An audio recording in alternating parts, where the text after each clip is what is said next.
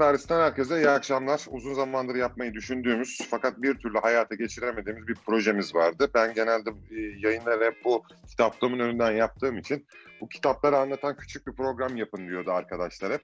E, hem Anıl hem Tansel hem de Erinç çok da e, şey yaptılar, gaza getirdiler yap yap yap diye biz de nihayet yapmaya karar verdik. E, her hafta olmasa bile neredeyse 10 günde bir falan bir kitabı 10 dakikayla e, tanıtıcı kısa kısa böyle videolar çekeceğiz sizlere. E, kitapları okumadan da kısa bir özetini yapmış gibi bir şey olacağız sizlerle beraber. İlk kitabımız hangisi olsun diye uzun süre düşündük. Tabii ki Andrea Pirlo'nun ülkede çok popüler olan fakat hemen hemen kimsenin okumadığı düşünüyorum öyleyse varım kitabı. Bu kitap ilk hangi sene çıkmış? Ee, yanılmıyorsa evet Mayıs 2018'de ikinci baskısını yapmış. Birinci baskısı Türkiye'ye 2017'de gelmiş. iki baskı yapmış. Yani toplam 10 bin falan basılmıştır bu kitaptan. E, Pegasus yayınlarından çıkmış bir kitap. Tekrar çevireni de söyleyeyim çünkü en büyük emek onundur. Yiğit Tezcan isimli arkadaşımızın çevirisiyle beraber çıkmış bir kitap, ince bir kitap. Kitapta ne anlatıyor? Öncelikle ondan bahsedelim. Kitabın sadece Türkiye'de biliyorsunuz bir sayfası meşhur oldu. Fatih Hoca hakkında söyledikleri meşhur oldu ki oranın da ne olduğunu burada anlatacağız. Pirlo çok koyu bir İtalyan milliyetçisi her şeyden evvel. Yani adam için İtalyan ne varsa dünyanın en iyisidir. Büyük bir koyu bir İtalyan milliyetçisi. Öyle böyle değil yani adamın. Ee, bir kere her şeyden önce Pirlo'ya bakarken buna bakmanız lazım. İkinci olarak da yine kendi cümlelerinden okunuyor, okuyorum. Tekerleğin icadından sonra en önemli icat bence PlayStation diyor arkadaş kitabında. Ee, Pirlo'yu değerlendirirken bunu unutmadan değerlendirin. Pirlo e, kitaba nereden başlıyor? Öncelikle Brescia yıllarından başlıyor. Kendisi bir Brescia'lı. Futbola da orada başlamış. E, 16 yaşında kendisini e, PAF takımından alıp A takımı çıkartan bir isim var. Bizim Türk spor kamuoyunda da yakinen tanıdığımız Mircea Lucescu. 16 yaşındayken kendisini alıyor. E, sen çok yetenekli bir oyuncusun diyor. A takıma çıkartıyor. Kendisine oyunda serbestlik veriyor ve oyunun merkezi olarak tanımlıyor. E, Pirlo da Lucescu'yu aynen şu sözlerle yapıyor. Mental açıdan tamamen kusursuz, kusursuz olan çalıştığın tek teknik adam olarak belirtiyor. Enteresan bir Lucescu şeyi var. Daha sonra e, Real Madrid'de transfer sürecini anlatıyor. Gerçekleşmeyen transfer sürecini. Fabio Capello Real Madrid'de transfer olduğu zaman ilk istediği isim Pirlo'ymuş. Milan'la görüşmüşler. Pirlo tamam demiş. E, bayağı havasına girmiş. Uzun bir süre sadece İspanyolca düşündüm. İspanyolca yaşadım. İspanyolca cümleler kurdum. İspanyolcumu ilerletmeye çalıştım. Ama daha sonra Galliani beni her zaman gibi bırakmadı. Oraya transferim gerçekleşmedi diyor. Buna benzer bir hikaye de kitabın ilerleyen sayfalarda Ancelotti ile başından geçmiş. Ancelotti Chelsea'nin başına geçtiği zaman e, Andrea Pirlo'yu arayarak seni mutlaka buraya transfer edeceğiz. Bonservis bedelini düşünme biz her şeyi halledeceğiz. Ben patronla konuştum. Chelsea'nin başkanından bahsediyor. Seni buraya alacağız diyor fakat Galliani onu yine bırakmıyor. Daha sonra oradan ilk çocukluk gençlik yıllarına dönüyor. E, Brescia'da oynarken Inter'in onu istediğini, Başkan Moratti ile bugün hala çok iyi ilişkileri olduğunu, e, Lippi'nin onu oraya transfer ettiğini fakat Lippi 6 ay sonra gidince ondan sonra gelen teknik adamın onun kesinlikle yüzüne bakmadığını ve o da oradan kurtulmak için Parma'ya transfer olduğu süreci anlatıyor. Hatta daha sonra e, İtalya'nın bir Riviera'sında her yaz hemen hemen Moratti ile aynı yerde tatil yaparlarken Moratti her yaz ona yazdı. Andrea yaptığım çok büyük bir hataydı diye hala o günlerde Andrea Pirlo'yu takımdan göndermesinin yanlış bir karar olduğunu kendisine vurgulamış.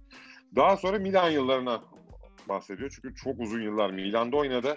E, Milan'ın onu bırakmamak için her şeyi yaptığını anlatıyor e, Milan'daki takım arkadaşlıklarından bahsediyor. Siz de hatırlayacaksınız Milan o zaman efsane bir kadro sahipti. Pirlo, Gattuso, Sidorf önlerinde Kaka, Inzaghi, Shevchenko, arkasında Maldini'li, Nesta'lı, Cafulo, bu tarafta Kalazzeli, e, kalede de Didal'ı muhteşem bir Milan kadrosu vardı.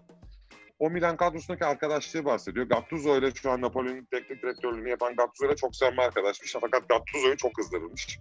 Gattuso'nun biraz kelimelerini falan İtalyanca'ya yuvarlayarak söylediği için e, onu köylülük de suçlarmış. Hatta sik kafalı diye bir tabirleri var onların İtalyanca'da kendi yazıyor kitabında. Onu onunla suçlarlarmış. E, takımda antrenmanda başlarından geçen olayları anlatıyor. Nesta ile çok iyi arkadaşlarmış. Hala da öyle. Alessandro Nesta bitmek bilmeyen sakatlıklarından ötürü ne kadar zor durumda kaldığını, e, ona moral vermek için neler yaptığını, ne kadar büyük bir oyuncu olduğunu anlatıyor. E, onunla da çok iyi arkadaşlarmış. Eskazan milli takımlarda da Roma'nın e, ünlü orta saha oyuncularından Daniele De Rossi de aynı grubun içerisindeymiş. Ee, en iyi arkadaşın Nesta olduğunu söylemiştik. Ben yine notlarıma bakayım.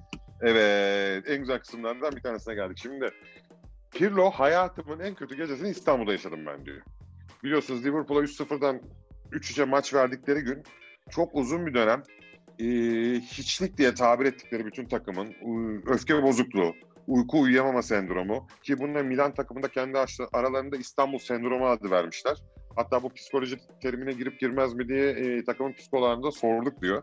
Çok uzun bir süre hissizleştik diyor. İki sene sonra e, Yunanistan'da olimpiyat şeyde Atina'da Liverpool'u yenip kupayı aldığımız zaman o bile bize aynı zevki vermedi diyor. Hatta İstanbul için şöyle de bir cümle kurmuş. Ee, İstanbul benim için kötülüğün başkenti. Bütün kötülüklerin ana merkezi İstanbul'dur diyor. O kadar nefret ediyor buradan ve buranın insanlarından. Ee, İstanbul'daki 3-0'dan 3-3'e verdikleri maçtan sonra futbolu bırakmayı düşündüğünü, ailesi onu vazgeçirdiğini söylüyor. O derece ben bir depresyona girdim, futbolu neredeyse bırakmayı düşünüyordum diyor. Ee, bu kısımda böyle anlatalım.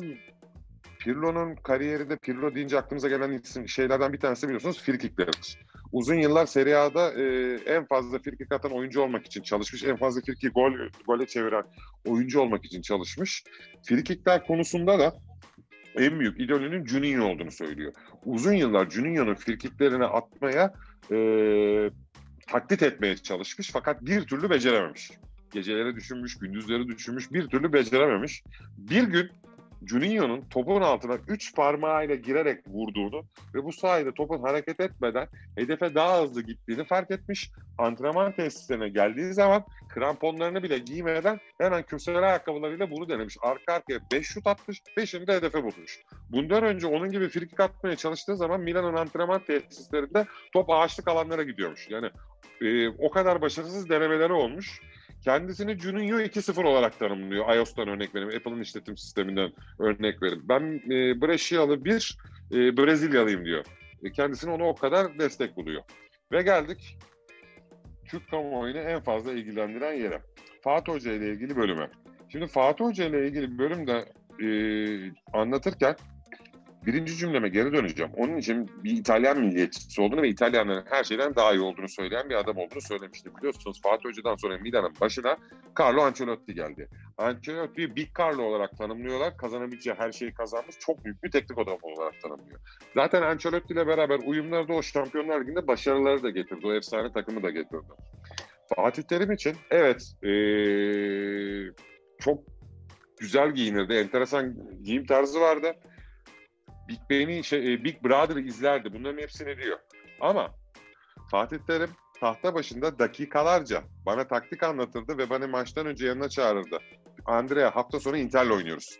Bizim için çok önemli maç. Bu maçı başkan için kazanmalıyız. Bu maçı Milan taraftarları için kazanmalıyız. Oyunun merkezinde de sen olacaksın. Bütün topları sen kontrol etmelisin. Bütün oyunu sen yönlendirmelisin. Bana bunların hepsini söylüyor da fakat menajer, şey özür dilerim tercümanı hep aynı şey söylüyordu. Andrea maçı kazanmak kazanmamız lazım. Orada Fatih Hoca'nın taktik bilmediğini falan söylemiyor. Bilakis tahtanın başında dakikalarca taktik anlattığını söylüyor. Oradaki yuvarlaklarla sen buraya gitmelisin, sen buraya gitmelisin diye bütün takıma tek tek uzun uzun taktikler anlattığını ama yanındaki tercümanın bunu tek kelimelik cümlelerle geçiştirdiğini, sonuçta takımla hocanın birbirini anlamadığını söylüyor. Kötü bir hoca olduğunu falan söylemiyor. Kesinlikle böyle bir tabiri de adamın yok. Asla yok yani böyle bir ta- tabiri. Fatih Hoca ile olan kısımlarında size böyle özetleyebiliriz. Zaten bu bir sayfada yer alıyor. Başka da yer almıyor. Kitabın yine en önemli kısımlarından bir tanesi Juventus'a transferi. Ee, Milan kulübü 30 yaşın üstündeki oyunculara artık kontrat vermeyi düşünmediğini Andrea Pirlo'ya söylüyor ve kendine kulüp akmasıyla söylüyor. Andrea bunu çok içerlediğini anlatıyor e, takımdan ayrılmaya karar veriyor ve ilk onu Juventus temasa geçiyor. Juventus'a imza atmadan 48 saat önce e, Inter'den bir telefon alıyor fakat artık çok geç olduğunu belirtiyor.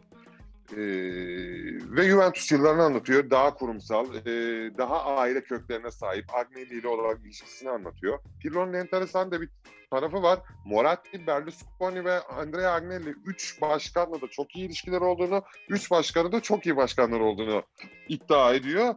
E, bu bana biraz enteresan geldi. Kitapta benim için en dikkat çekici yer şurasıydı. Bunu bilmiyorum. Bir Barcelona-Milan maçından sonra Pep Guardiola e, Andrea Pirlo'yu soyunma odasına çağırıyor. ve sene sonu kendilerini transfer etmeyi düşündüklerini, orta sahada Pirlo, Xavi, Iniesta olarak bir üçlü kurmak istediğini, paranın kendileri için problem olmadığını, kendisinin bu projeye nasıl bakıp bakmadığını soruyor. Bir arkadaş şarap içiyorlar maç sonunda. Pirlo çok heyecanlandığını, Guardiola'nın her zaman çalışmak istediği bir isim olduğunu söylüyor. Ve ümit ediyorum bu transfer gerçekleşir diyor. Daha sonra bir kitabı yazdığı yıllarda yani yazdırdığı yıllarda acaba o muhteşem Barcelona takımında yani Sergio Busquets'in oynadığı yerde ben oynasaydım o takım daha neler başarabilirdi diye düşünmeden kendimi alamıyorum diyor. Gerçek anlamda Pirlo'nun sahadaki e, taktik dehasını, oyun görüşünü yaptıklarını düşünürsek önünde Xavi ve Iniesta ile beraber Pirlo'yu izlemek herhalde futbol tarihinin izleyip izleyebileceğimiz en iyi orta sahalarından biri olurdu. Bunun da, e, bunu futbol severlerden Galliani çalmış. Yine Pirlo'ya her zamanki gibi vermeyerek. Bu da onun da Guardiola'nın da açıkçası ben okuduktan sonra benim gibi spor severlerin içinde kalmış bir yuktadır diyebiliriz. Kitabımız bu kadar. Ee, zaten çekeceğimiz programlarında hemen hemen hepsi bu kadar olacak. Önümüzdeki programda yine biz Galatasaraylılar için ve dünya futbolu için çok önemli bir isim olan Didier Drogba'nın Adanmışlık kitabını sizlere anlatmaya dilim döndüğünce çalışacağım. Ee, bir dahaki programa haber de veririz. İzleyenlere teşekkür ederiz. İlk program olduğu için ve ben yalnız solo bir biçimde yaptığım için e, sürçülisan ettiysek affola diyelim. Beğenmeyi, abone olmayı ve katıl tuşuna basmayı unutmayın. Hepinize teşekkür ediyorum. Saygılar sunuyorum.